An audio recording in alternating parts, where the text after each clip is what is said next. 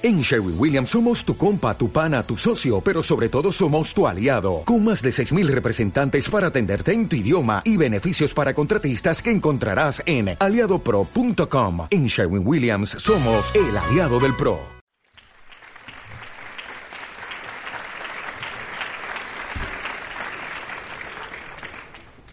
Nit a tothom. Aquí termina mi catalán. Intentaré ser coherente con eh, la, como han organizado la tarde, así como la exposición no es una exposición, intentaré hacer una conferencia que no es una conferencia y la garantía principal es que será breve, así me pidieron y voy a cumplirlo. Y hablaré de ciudad, aprendizaje y niños en el intercambio de cartas que hemos tenido con Nacho, me avisó, pero tener en cuenta que no hay solo niños. Por esto hablaré de niños. A decir, aprovecharé de los niños para no perder a nadie. Es un poco como las luciérnagas. Las luciérnagas se consideran como indicadores ambientales, que sabéis mejor que yo que significa que si desaparecen, es una alarma. Significa que el ambiente está enfermo. Hay contaminación, hay algo que no funciona, porque es un animal muy sensible. Pero cuando nosotros nos ponemos en la tarea de recuperar las luciérnagas, no significa que somos los amigos de las luciérnagas, sino que somos amigos del ambiente. Y lo hacemos para garantizar a todos. Y cuando vuelven, todos vamos a estar mejor. Bueno, yo creo que con los niños pasa algo de muy parecido. Antes, hablar de niños y ciudad era casi hablar de sinónimos. Y cuando digo antes, digo hace 2.200 años hasta a 60, 70 años antes. Digo 2.000 y pico porque leí en eh, Zacarías, en la Biblia, esta definición de, la ciudad, que para mí es la primera que encontré, no sé si los que estudian ciudades tienen más antiguas, me gustaría, pero esta es interesante porque dice, en Jerusalén los viejos y las viejas sentarán en las plazas, cada uno con su bastón en la mano, y las plazas serán rellenas de niños y niñas jugando. La definición de la ciudad sagrada está con estas pinceladas de ancianos y niños que ocupan la plaza. Cuando yo era pequeño era lo mismo.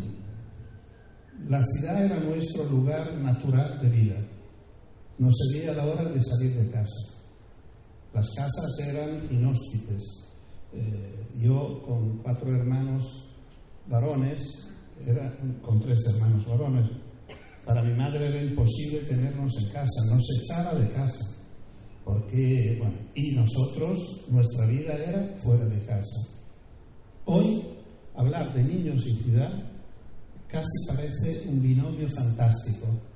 No creo que los arquitectos conocen mucho a Gianni Rodari, pero la gente que se ocupa de educación me imagino que sí y el binomio fantástico en Gianni Rodaria es una técnica para inventar cuentos. Hay que elegir dos palabras que no tienen nada que ver una con la otra. Y todo el juego es buscar una conexión. Y esta búsqueda entre dos palabras que no tienen nada que ver una con la otra produce un efecto fantástico y se construye una historia. Bueno, hoy niños y ciudad parece que son dos palabras que no tienen nada que ver una con la otra. El tema es que el binomio fantástico solicita un, una conexión. Y yo creo que esto es lo que intentamos que hacer. Intentamos que hacer nosotros con el proyecto de la ciudad de los niños, intentamos que hacer todos los que se están ocupando de ciudades, intentando crear de nuevo conexiones entre personas, personas y espacios. Y vamos a ver qué relación existe entre ciudad y aprendizaje.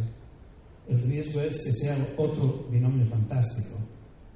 Porque normalmente, eh, si pedimos a mucha gente cuál es el lugar del aprendizaje, dirán la escuela. Y la escuela tiene muy pocas o ninguna relación con la ciudad. Las, las puertas de la escuela están cerradas. La escuela tiene miedo de la relación con la ciudad. Eh, los niños no pueden salir de la escuela.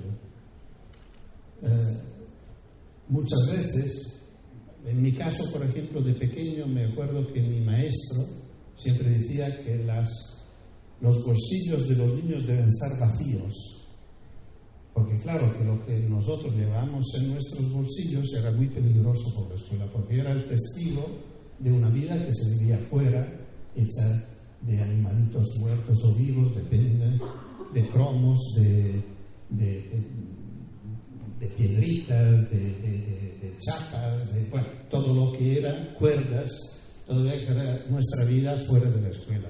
Y sacar esto en la escuela significa crear un disturbio El tema es que no es verdad que el lugar del aprendizaje sea la escuela. Cuando a Sigmund Freud, el fundador de la psicoanálisis, una periodista le pidió, imagino, buscando alguna noticia rara y íntima, eh, saber cuál fue el año más importante de su vida, contestó sin dudas el primo, el primero. Y es así, para todos nosotros, el año más importante de nuestra vida fue el primero. Y fueron los primeros días, las primeras semanas, meses y años, y allí se juega todo. La escuela llega tarde, llega después, es importante, pero trabaja sobre los cimientos que se han puesto en los primeros días, años de vida. Y todo este trabajo enorme se parece mucho al trabajo de los cimientos, que esto sí lo conocéis mejor que yo, la gente de eh, construcciones, urbanismo y, arquitectura. Y, y, sabéis mejor que yo que para poner cimientos hay, se necesitan competencias, tiempos, y dinero casi como construir la construcción. Me imagino que aquí hará cimientos muy importantes, pero el problema de los cimientos es que no se ve. Y por lo cual la gente pasa, comenta esta construcción, me imagino que lo comenta en varias maneras, sorprendiéndose, admirándola, contestándola, no sé, pero nadie va a pensar cómo serán los cimientos. Y esto ocurre exactamente a nosotros, a las niñas y a los niños, que hacen este enorme esfuerzo poniendo las bases de todo lo que van a aprender a lo largo de la vida, sin darse cuenta ellos y lamentablemente sin que se den cuenta los adultos que lo rodean. Muchas veces los padres no tienen una preparación, una formación. Yo tampoco pude aprovechar de esta gran experiencia cuando tenía hijos pequeños, porque no sabía muchas cosas, lo aprendí después, cuando los niños ya estaban grandes. Bueno, aproveché un poco con los nietos. Por suerte, por esto vale la pena tener varios hijos, vale la pena tener nietos, si los, si los hijos se animan, porque hoy el tema es este. Yo con tres hijos pensaba de tener derecho a nueve nietos, tengo dos y creo que allí me paro. Bueno, pero bueno, agradezco de los dos.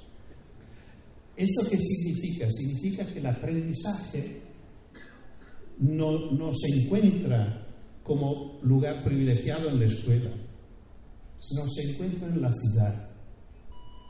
Es una ciudad muy particular, la de un niño pequeño. La primera ciudad es el pecho de su mamá y los ojos. Y allí empieza un diálogo entre él y el mundo. Y después su mundo es su cuerpo y después todo lo que puede tocar alrededor de él. Y después empieza como una revolución copernicana de se da la vuelta al mundo cuando empieza a moverse. No tiene que esperar que alguien le acerque las cosas, sino él se acerca cada cosa. Y después se mueve, y después anda, y después sale. Y esto es la ciudad que nosotros tenemos que garantizar a los niños. Y aquí entra, ya entra el tema de la ciudad. Hoy, por ejemplo, yo no puedo entender que en muchos casos, en Italia es muy frecuente, que es prohibido jugar en la escalera, en las escaleras de la casa. Y en la escalera es un lugar de encuentro formidable para los niños muy pequeños. A mí me gusta pensar que un niño de un año y medio pueda abrir la puerta de su casa, tocar la puerta al lado y con un amiguito pararse adelante de las dos puertas abiertas, de manera que las madres y los papás son tranquilos, pero los niños están viviendo fuera de casa. Porque irse es el gran reto. Y después la escalera y después el patio que en Italia lamentablemente es prohibido a los niños, muchas veces. Muchas veces se ha transformado en aparcamiento. Es decir, lo estamos haciendo muy mal. Y de allí los espacios públicos de la ciudad. Allí hay mucho que discutir. Eh, por ejemplo, el tema que la ciudad hoy desprecia tanto la infancia que le ofrece espacios reservados y separados. Vosotros sabéis lo que ocurría a las mujeres en la antigüedad, cuando tenían un, espacio para ellas, para que no se veían.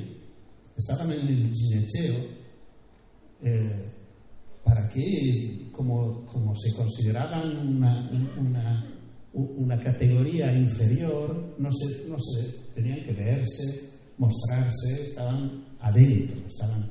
Bueno, los niños en la ciudad pasa lo mismo. Regalamos a los niños estos espacios con columpios y toboganes que aparecen como jaulas. ¿Y por qué? Para no tenerlos en el medio, para que, para que molesten. Y, y, claro, esto es un espacio pobre, por lo cual estamos empobreciendo la posibilidad de aprendizaje. Porque ¿cuál es el verdadero, la, verdadera manera para aprender? Es vivir la experiencia de la aventura y del descubrimiento. ¿Qué significa salir de casa, encontrarse con un amigo, una amiga, decidir un juego, elegir un espacio adecuado a este juego, porque cada juego necesita un espacio, materiales, eh, y vivir esta experiencia en un tiempo libre dentro de un marco de reglas, porque claro, esto no es una propuesta de anarquía, así como no es una propuesta de abandono. Al contrario, es una propuesta de afecto profundo. Te quiero tanto que te dejo salir de casa. Te quiero tanto que confío en ti y te quiero tanto que deseo que tú vivas una experiencia porque no veo la hora que vuelves y me la cuentas. Hoy los niños no cuentan más nada porque no tienen nada para contar, ni a su mamá, ni a la, escuela. Y esto empobrece la familia, los niños y la, y la escuela. La escuela necesita que los niños vivan estas experiencias fuera de la escuela en modelos educativos que para nosotros siempre han sido de referencia, como los de Freinet, por ejemplo, él proponía el texto libre, que era exactamente invitar a los niños que si le ocurría algo de interesante fuera de la escuela, lo anotaran brevemente y mañana lo llevaran a la escuela como material de trabajo para todos. Por lo que la escuela vive, yo no, lo entiendo, sigue dando deberes a los niños, ocupando un tiempo que no es suyo porque es de los niños, que debería pertenecer al artículo 31 de la Convención de los Derechos del Niño, que es el derecho al juego, y no al artículo 28, que es el derecho a la escuela.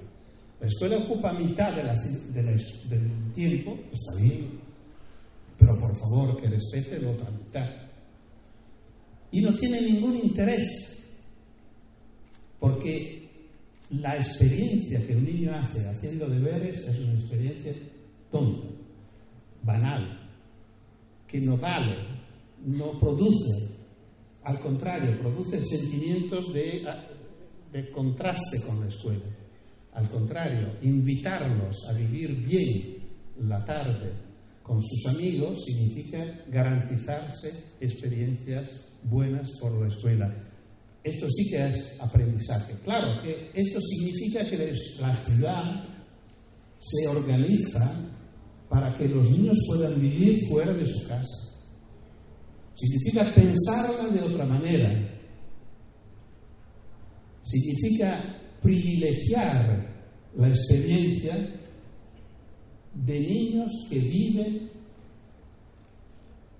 no garantizados en espacios preparados para ellos, como puede ser el parque que decía antes, que puede ser la ludoteca, que puede ser todos los servicios por la infancia que construye la ciudad. Al contrario, ofrecer la posibilidad que salgan. Eh, muchas veces los padres se quejan cuando yo digo estas cosas porque dicen, bueno, pero nosotros hacemos mucho, lo acompañamos todos los días a jugar. Bueno, esto es lo que no funciona. El verbo jugar no se puede conjugar con el verbo acompañar. Y solo se puede eh, conjugar con el verbo dejar es complejo, tenemos miedo, bueno, todas cosas comprensibles eh, que yo reconozco, pero es así. O lo dejamos o no juegan. Y si no juegan, no crecen. Por lo cual, el aprendizaje existe antes de la escuela, existe al lado de la escuela y sigue existiendo a lo largo de la vida. Y una ciudad debería hacerse muy sensible a todo esto.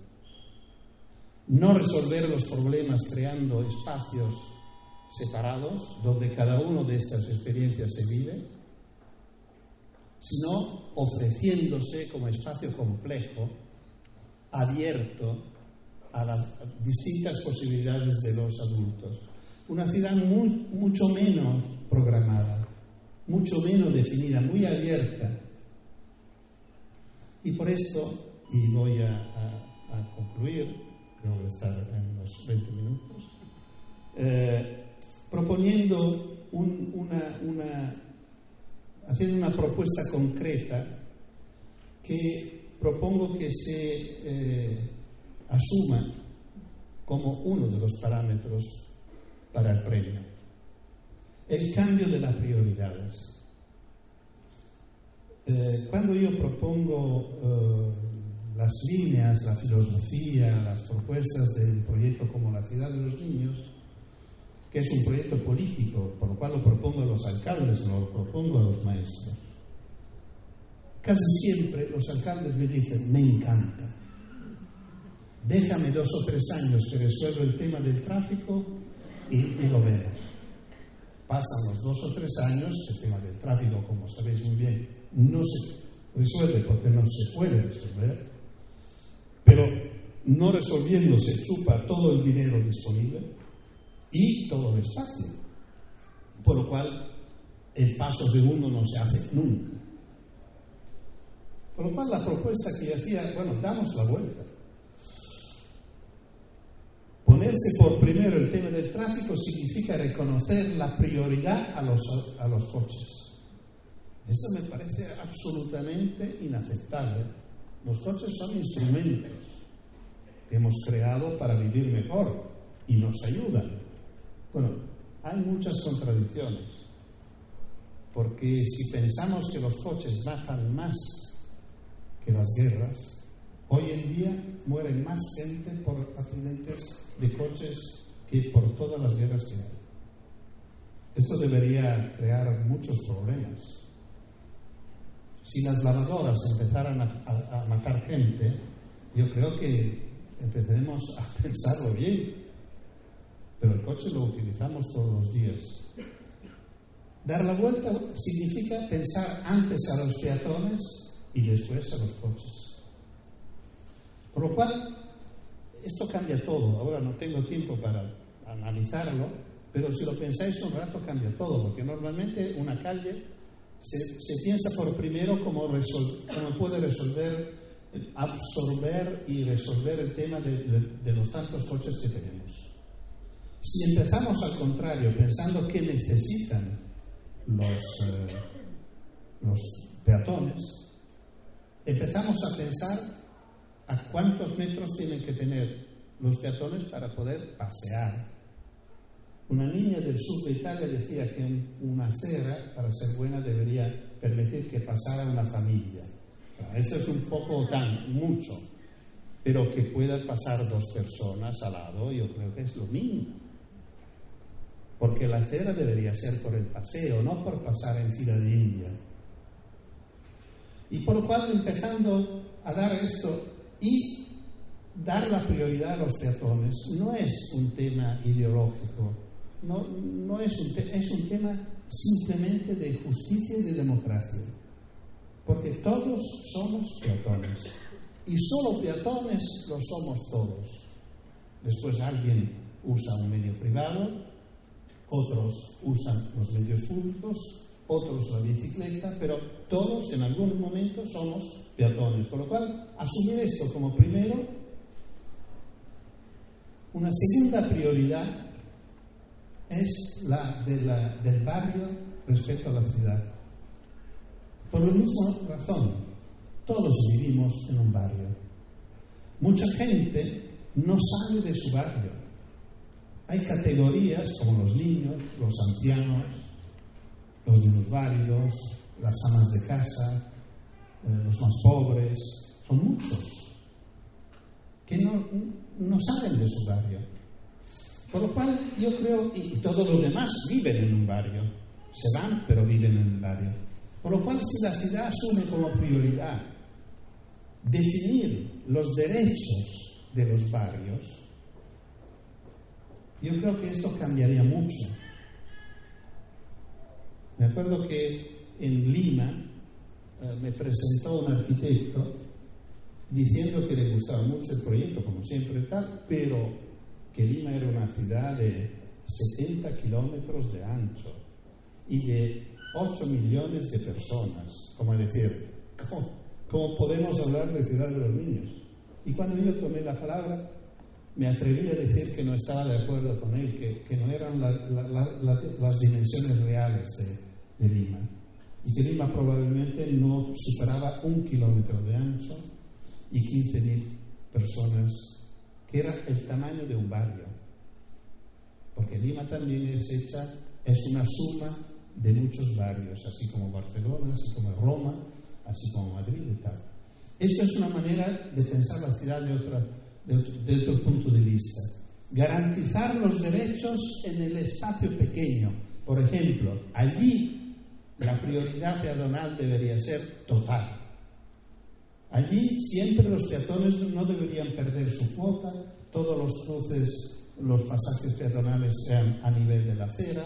Bueno, muchas cosas se pueden decidir. Bueno, después cuando pasamos a una gran vía, cuando pasamos a la diagonal, bueno, podemos cambiar registro. Allí lo podemos tener. Tercera prioridad que cambia es niños y adultos. Primero los niños y después los adultos porque lo dice la ley, lo dice la ley. Lamentablemente no se conoce. Pero la Convención de los Derechos del Niño que cumple 25 años hoy, hoy en este año, porque España adherió en el 90, en el, 80, en el 90, por lo cual son 25 años este año. Eh, eh, el artículo 3 dice exactamente que los intereses del niño son siempre se deben considerar superiores. Por lo cual, no hay solo niños, pero los niños están encima. Y para ser garantizados y seguros de no olvidarnos de nadie, tenemos que tener en cuenta los más pequeños. Y por último, lo dejo allí sin comentarlo, me gustaría que la última prioridad fuera el juego contra el trabajo. Esto es un poco más complicado. Nosotros en Italia lo tenemos más complicado aún porque eh, en el 46, eh, cuando se decidió de eh, cambiar nuestra experiencia después de la dictadura, después de la guerra, y se firmó la Constitución republicana, el artículo 1 dice que la Italia es una república democrática fundada sobre el trabajo. Este es un gran orgullo por los italianos, a mí me inquieta mucho. Porque claro, esto significa que los que no trabajan aún, que son los niños, que no trabajan más, que somos nosotros los jubilados, los que no pueden trabajar, que pueden ser los enfermos, los minusválidos, en alguna manera son menos ciudadanos. Y esto creo que no es justo. Gracias.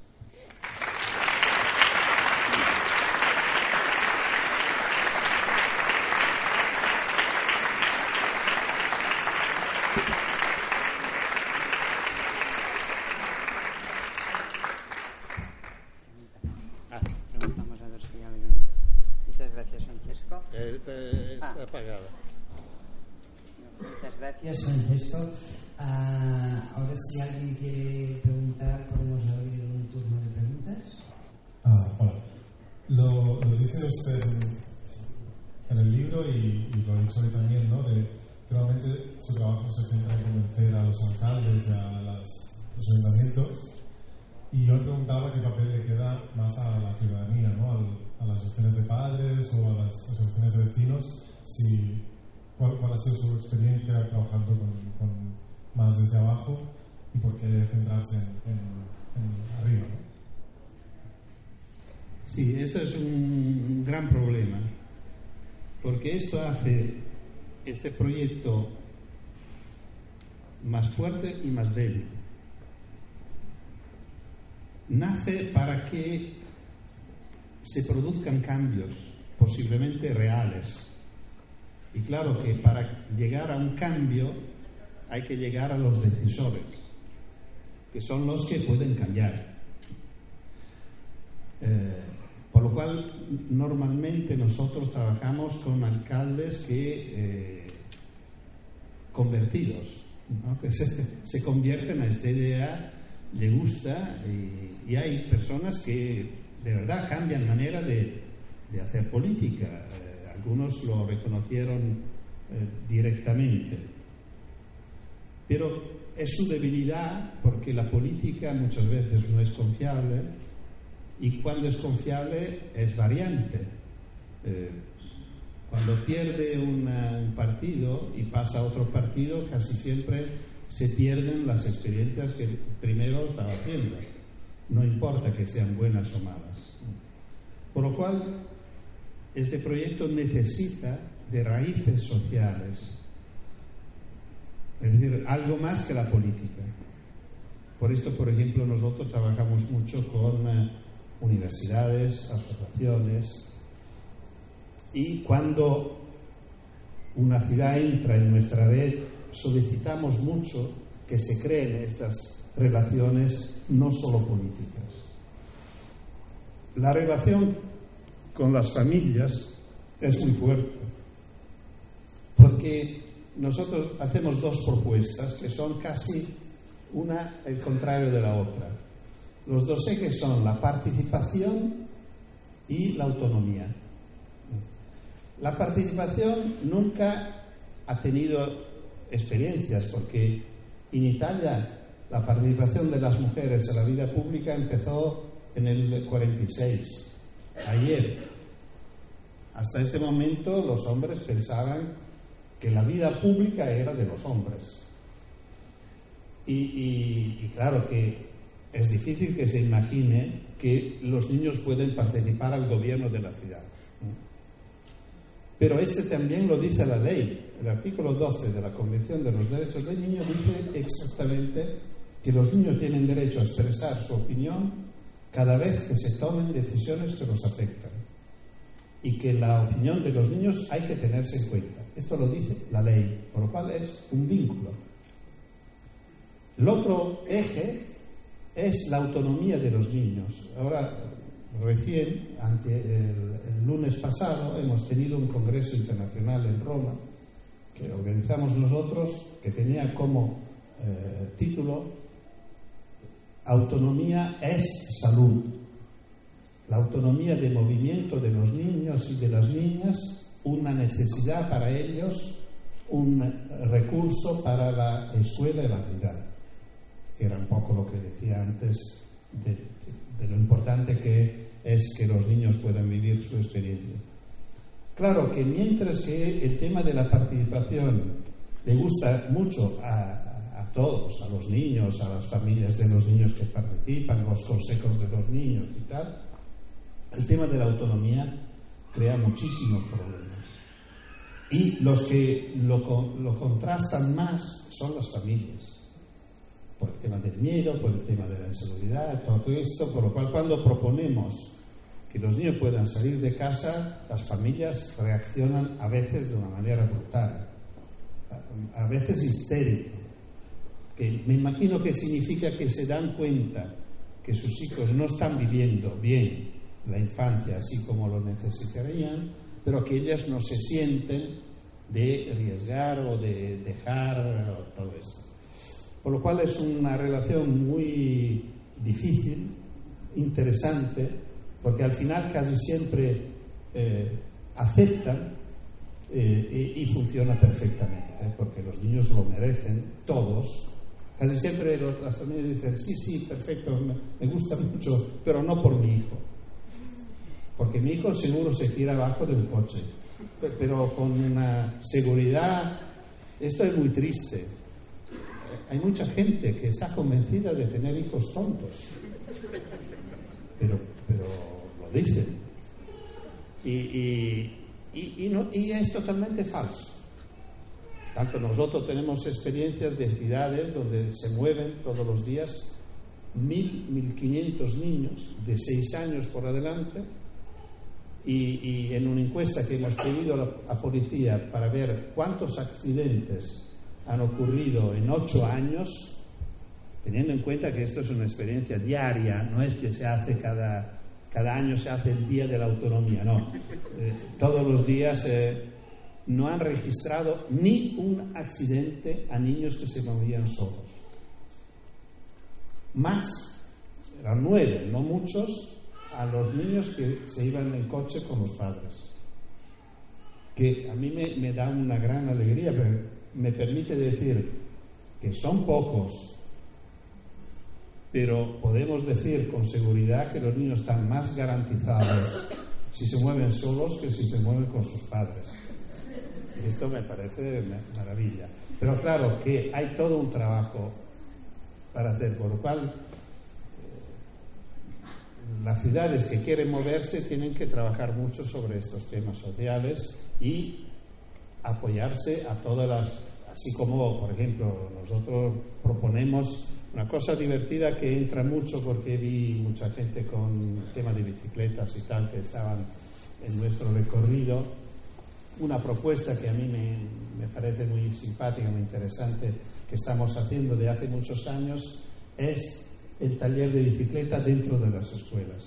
Es decir, proponemos a la escuela de asumir la bicicleta como una disciplina escolar una hora de bicicleta. Es decir, una experiencia que propone a los niños esa máquina simple, entre comillas, porque no es tan simple, pero se, entiende. Aprender a conocerla, desmontarla, limpiarla, arreglarla, por un lado. Estudiar la física de la bicicleta. Estudiar, por lo cual podemos seguir pensando a todo lo que podemos, la, historia de la bicicleta, la historia del ciclismo, la relación con... Por lo cual, una experiencia fuerte y, esto también involucra, por ejemplo, asociaciones que están eh, interesadas en este vehículo, y, pero el objetivo es que los niños se enamoren de la bicicleta y mañana puedan ser adultos mejores que nosotros, que al contrario nos enamoramos de una máquina como el coche que, que mata.